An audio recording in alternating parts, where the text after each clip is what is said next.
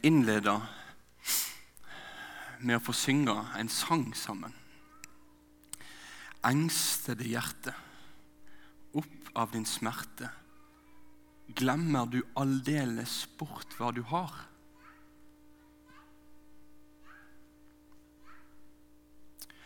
Rosenius, som skrev denne sangen, han hadde nok sjøl kjent på i sitt eget hjerte og i møte med mange andre himmelvandrere at det var mange engstelige hjerter. At selv om en hadde begynt på en vandring med Jesus, selv om en hadde begynt på å gå en god vei, så var det så mange ting rundt, så var det så mye som skjedde, som gjorde at angsten, bekymringene, usikkerheten kom med ei klam hånd og lå seg om Guds barns hjerte. Og Så skriver han denne sangen her for å og veileder oss og veileder de som han skrev han til første gangen. Om at i møte med våre bekymringer, i møte med våre spørsmål om hva er det egentlig som vil skje, så det er ett sikkert og fast holdepunkt. Dagens tekst det er en tekst om engstelige hjerter. Det er en tekst i midten av Jesu avskjedstale til læresveinene på skjærtorsdag. I forkant av den teksten vi nå skal lese, så er det siste som har skjedd, det er at etter at Jesus har vaska føttene til læresveinene, han har begynt å fortelle dem at han nå skal gå bort ifra dem. For han vet at morgendagen er en dag da de skal se Jesus dø på korset. Det siste som nå har skjedd, rett før, det er at Jesus har sagt til Peter Peter som sier 'Jeg skal gå i døden for deg', så sier han 'Nei, men Peter, det skal du ikke'. Du skal komme til å fornekte meg tre ganger før hanen gjelder. Det er det som skjer umiddelbart før dagens tekst. og Vi kan kanskje prøve å tenke oss inn i den situasjonen som det må ha vært for denne disippelplokken som sitter sammen med Jesus. Hva? Skal til og med Peter svikte? Skal til og med Peter ikke strekke til. Han som har navnet Kefas, klippen, steinen, han som er den solide. Skal han svikte? Er, er det da noe håp? Og Så kommer dagens tekst, som vi nå sammen skal få lese, fra Johannes evangeliet kapittel 14. Og Vi leser vers 1-11, og vi reiser oss.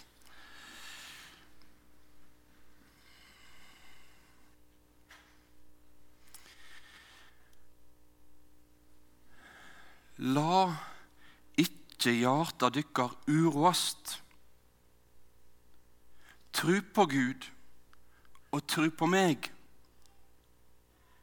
I huset til far min er det mange rom.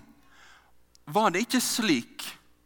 Hadde jeg da sagt dykk at der jeg går vil, nei, Hadde jeg da sagt dykk at jeg går og vil gjøre klar en stad til dykk? Og når jeg har gått og gjort klar en stad til dykk, kjem jeg att og tek dykk til meg. Så det skal være der jeg er. Og dit jeg går, veit jeg vegen. Thomas sier til han, 'Herre, vi, vi veit ikke hvor du går. Hvordan kan vi da vite vegen?' Jesus sier, 'Jeg er vegen, sanninga og livet'. Ingen kommer til Far uten gjennom meg. Har det kjent meg, skal det òg kjenne Far min. Fra nå av kjenner det Han og har sett Han. Philip sier til han, 'Herre, Syn oss, far. Det er nok for oss. Jesus svarer. Nå har jeg vært så lang ei tid sammen med dykk, og du kjenner meg ikke, Philip. Den som har sett meg, har sett far. Hvordan kan du da si 'syn oss, far'? Tror du ikke at jeg er i far og far i meg? De ord jeg taler til dykk, har jeg ikke fra meg sjøl. Det er Far som er i meg og gjør sine gjerninger. Tru meg, jeg er i Far, og Far i meg. Om ikke for anna, så tru det for gjerningene skyld. Slik lyder Herrens ord. Amen.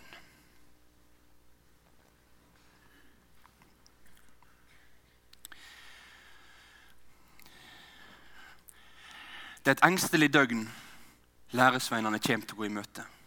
Men nå vil Jesus gi dem noen holdepunkt, noen anker, i møte med en tilværelse som kommer til å være veldig turbulent i tida framover. Bølgene kommer til å slå inn over livene deres. Større bølger enn de kanskje noen gang tidligere ikke bare kanskje, ja, større enn de noen gang tidligere har opplevd. For han som de har fulgt i tre år, nå skal de se at han blir korsfesta. Men Jesus vil gi et anker for deg. Et sikkert holdepunkt for deg. At midt i alle de bølgene som nå kommer til å slå, så er det noe de kan få klynge seg fast til, se fram imot og stole på og være trygg på. Og Vi skal vandre gjennom denne teksten her og stoppe opp for tre av disse punktene her nå. Vi skal begynne med det første som Jesus sier når han retter læresveinene sine blikk inn mot framtida. Han retter blikket inn mot himmelriket, inn mot hans fars rike, riket til Gud. Og så begynner han å si at i min fars hus er det mange rom. I min fars hus er det mange rom.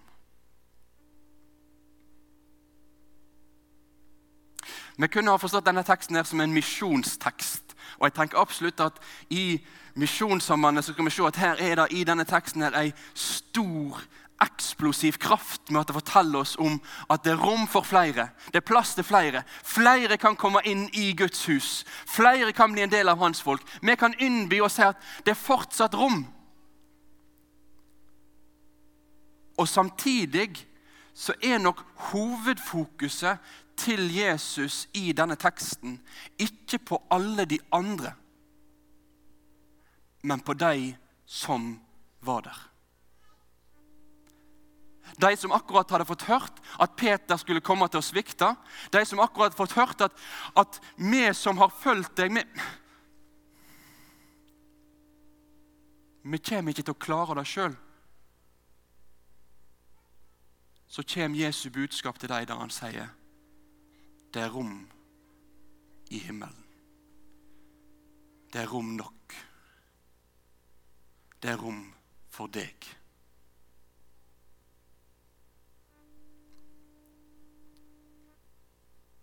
Er det plass til meg i himmelen. Bibelen svarer det er rom til deg. Det er mange rom.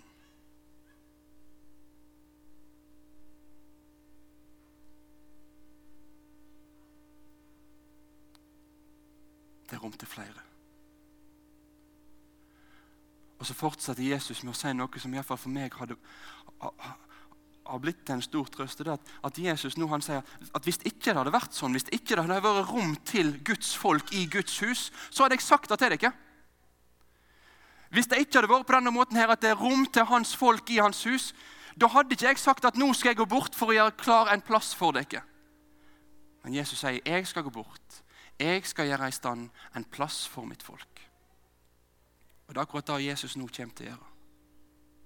Jeg, jeg, husker at når jeg vokste opp og tenkte på denne teksten, her, da så jeg for meg det bildet at ja, det Jesus mener i dette verset, det er at ok, nå skriver han at jeg skal gå bort, jeg skal gjøre i stand en plass til dere. Kanskje jeg har sett et bilde i en barnebibel eller noe, at nå reiser Jesus til himmelen.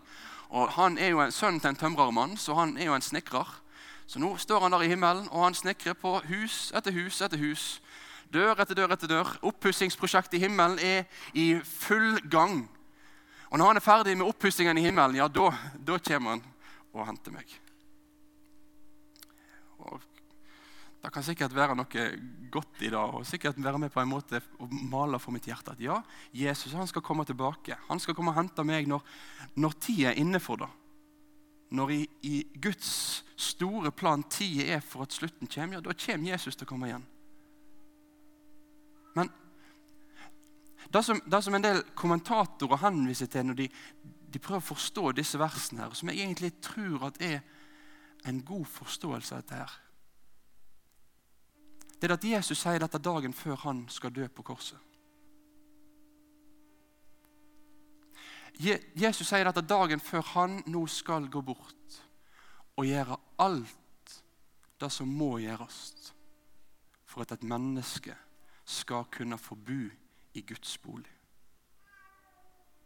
Jeg går bort for å gjøre stand en plass til dere. Jeg går bort for å gjøre det som må gjøres, for at det kan komme til meg.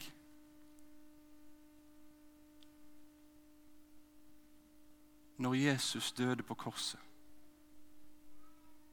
når han gjorde soning for alle dine synder alt det du har gjort. Alt det du kommer til å gjøre.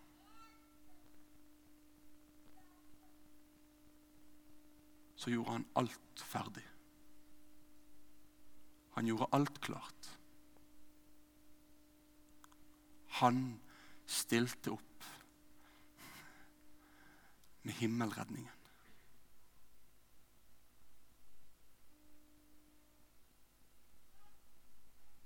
Så i møte med min uro så skal jeg få gå til Jesus og se at han har gjort klar en plass for meg med sin død for meg og med sin oppstandelse.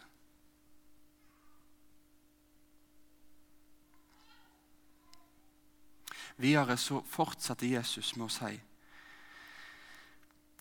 For Thomas han, han forstår ikke dette, for Jesus har nå beskrevet at 'det veit veien der jeg skal gå'. Men, men Thomas skjønner ikke. Hva, hva vei snakker du om, Jesus? Hvor skal vi gå? Så kommer Jesu ord om at 'jeg er veien, sannheten og livet'. Ingen kommer til Far uten gjennom meg.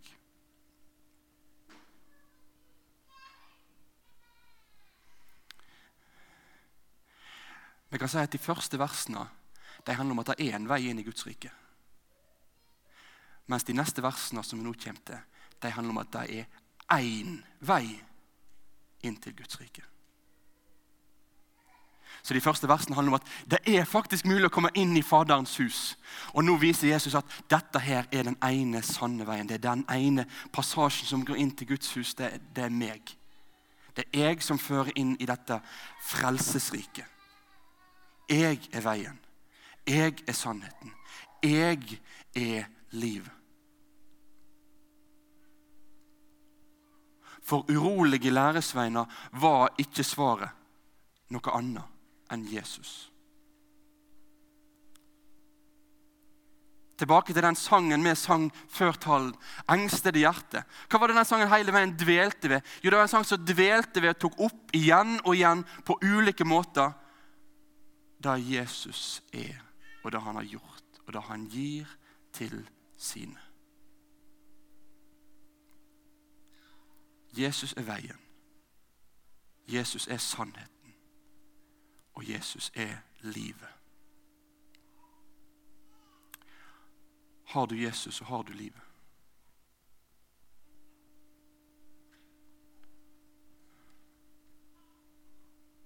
Om din jordiske død innhenter deg,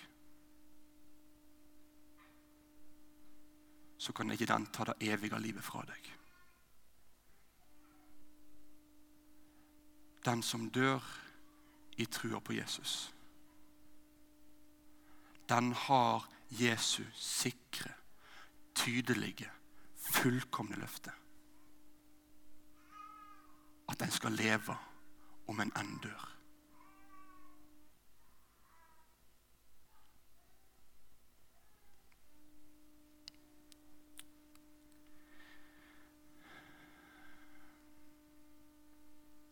Samtidig er dette et vers som understreker at det er ingen andre muligheter for å bli frelst enn å tro på Jesus som sin frelser og herre. Jesus stenger egentlig alle andre dører. Det er ingen andre veier inn. Ingen kommer til Faderen uten gjennom meg. Det går ingen prestasjonsvei. Det går ingen religionsvei. Det går ingen statusvei. Det går ingen folkeslagvei. Det er én vei, og det er Jesus.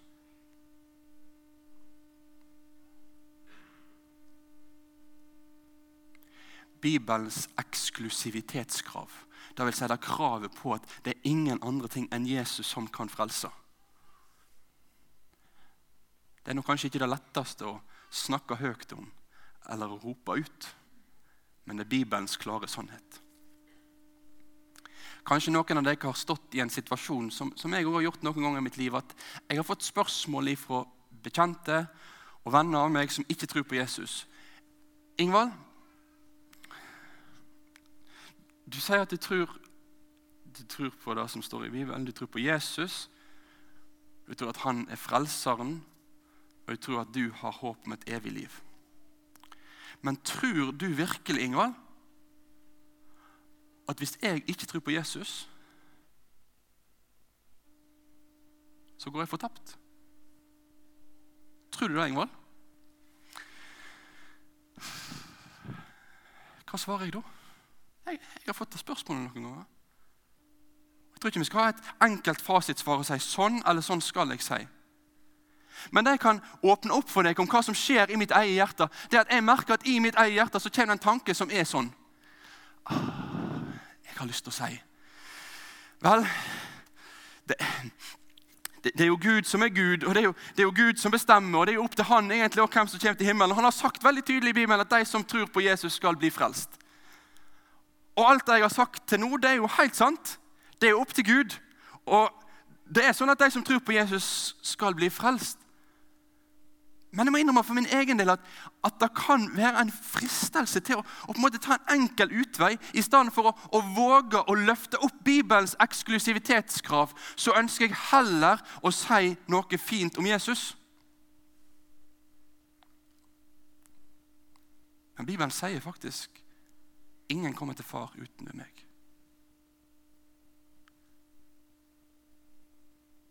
Det gjelder òg den vennen min. Jeg kan faktisk vite det. Uansett hvor vondt, uansett hvor smertefullt det er, så kan faktisk jeg vite det at hvis den vennen min ikke tror på Jesus så blir ikke den personen frelst.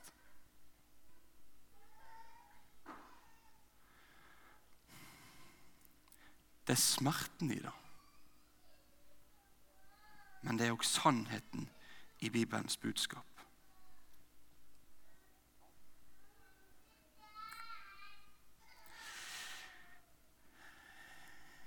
Jesus er veien. Jesus er sannheten. Jesus er livet.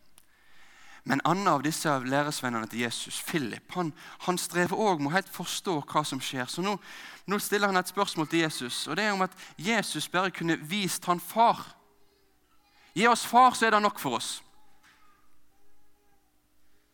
Det ser ut som at Philip strever med å forstå at når han møter Jesus, så møter han egentlig Gud. Så møter han egentlig far. At Faderen og Sønnen er ett. Selv om det er noe som har preget mye av Jesus' sin forkynnelse, så er det noe som for Philip er så vanskelig å forstå. Greit nok, Jesus kan være bra, men, han vil på en måte ha noe mer. Han vil ha, han vil ha far. Men så kommer Jesus svar til han som, som understreker for Philip at Vet du hva, Philip? Det går ikke an å få Faderen uten Sønnen. Vet du hva, Philip? Det er nemlig sånn at når du møter meg, Guds sønn, så møter du òg Faderen. For jeg og far er ett.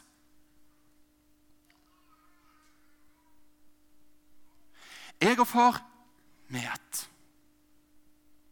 Og så er dette her det siste også, som denne teksten tar fram, at Jesus vil trøste læresveinene med at de kan få vite at når de har møtt Jesus, så har de fått møtt den sanne Gud. De har ikke fått møtt en halvgud. De har ikke fått møtt en som kan gjøre litt, men som viste den himmelske Gud seg til å være helt annerledes. Nei, sånn som Jesus er, sånn er virkelig Gud.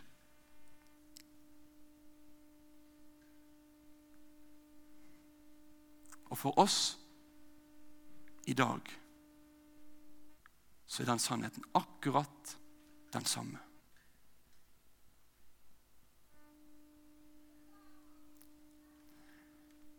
Lurer jeg på hvordan Gud er,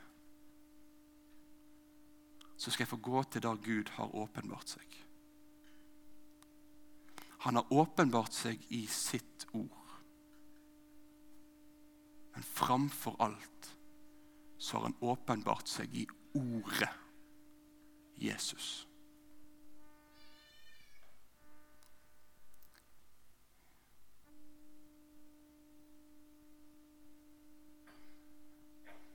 I dag, i formiddag, så har Jesus sitt ord blitt ført inn i våre liv. Vi kan ikke se Jesus. Han går ikke fysisk rundt omkring her sånn at vi, vi ser han med vårt synlige øye. Men vi kan høre Jesus gjennom det han har sagt.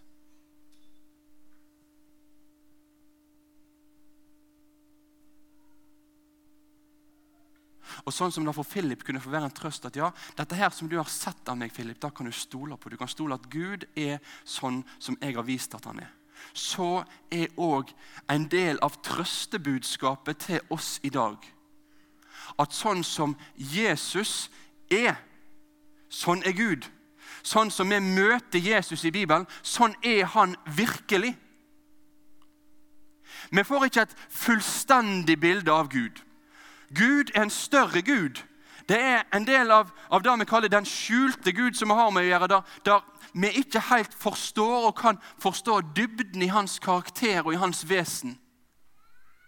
Men han er òg en åpenbart vist Gud, som viser seg for oss i Ordet.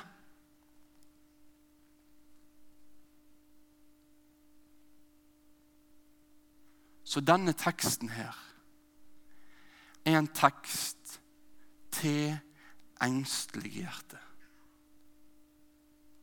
som kaller oss til å tro på Jesus. Kaller oss til å høre på det han har sagt. Kaller oss til å hvile i at han er den som gjør klar en plass for oss i himmelen. Og vite at han er veien sannheten og livet. Stormen kommer. Vinden blåser. Dødsskyggen kryper inn over livet. Men Jesus, Jesus står fast. Han er veien. Han er sannheten. Han er livet. Amen.